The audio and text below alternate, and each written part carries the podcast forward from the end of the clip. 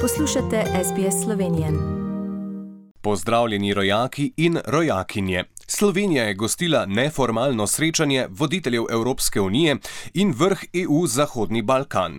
Visoki politiki so govorili o vlogi EU na mednarodnem prizorišču, glede na nedavne dogodke v Afganistanu, pa tudi o varnostnem partnerstvu ZDA, Velike Britanije in Avstralije ter odnosih s Kitajsko.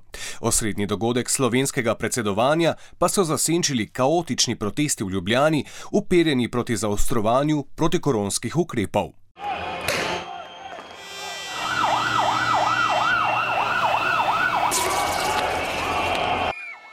Policija je na torkovih protestih uporabila daleč največ prisilnih sredstev v zgodovini samostojne Slovenije. Ljubljana je bila v oblaku sovzivca, preko 400 dos plinskega sredstva je uporabila policija. Aktiviran je bil tudi vodni top, ki je po Ljubljani razganjal protestnike.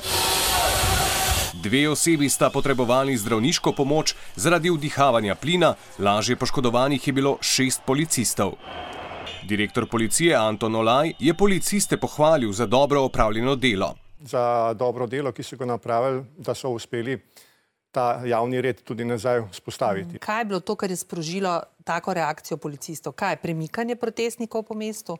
Ko eh, smo uporabili prisilna sredstva za množico, so zato obstajali pogoji. Mi izvedno stopnjujemo uporabo eh, naših pooblastil. Eh, v tistem času so proti policijskim vozilom in policistom že metali granitne kocke in eh, druge predmete. Opozicija in del javnosti pa meni, da je policija uporabila prekomerno silo. Ta vlada ne le, da ne spoštuje ničesar, ne opozicije, ne pravne države, ne medijev, še najmanj pa ljudstva. Ta vlada je pokazala, da zna vladati samo še na en način in to je silo. Policija je v torek pridržala tudi dva neformalna voditelja protesta, ki sta bila v četrtek izpuščena iz pripora. Tukaj. Ja.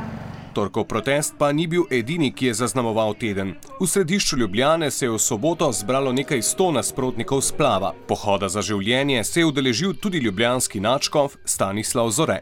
Da ob vseh pravicah, ki jih poudarjamo in je prav, da jih ne pozabimo na tisto temeljno pravico, to pa je človekova pravica do življenja, kot pravi papež, od rojstva do naravne smrti.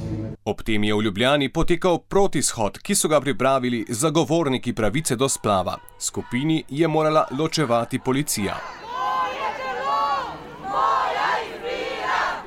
Povedati, da je pač pravica do avtonomije telesa neizpodbitna in ustavno zagotovljena in da je absolutno nedop, pač nedopustno, da se kakršne koli uh, verske ali družbene frakcije umešavajo v to pravico do odločanja o lastnem telesu.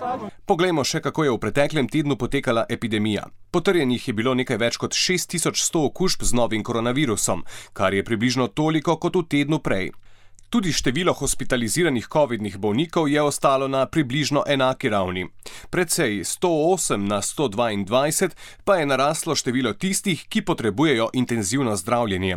Umrlo je 40 COVID-nih bolnikov. Slovenija na epidemiološkem zemljevidu Evropskega centra za obvladovanje in preprečevanje bolezni ostaja označena s temno rdečo barvo. Dragi rojaki in rojakinje, to je bil pregled pomembnejših dogodkov tedna v Sloveniji. Z vami sem bil Žan Dolajš. Ostanite zdravi in nasmejani. Želite slišati sorodne zgodbe? Prisluhnite jim preko Apple ali Google podcasta, preko aplikacije Spotify ali kjerkoli drugje.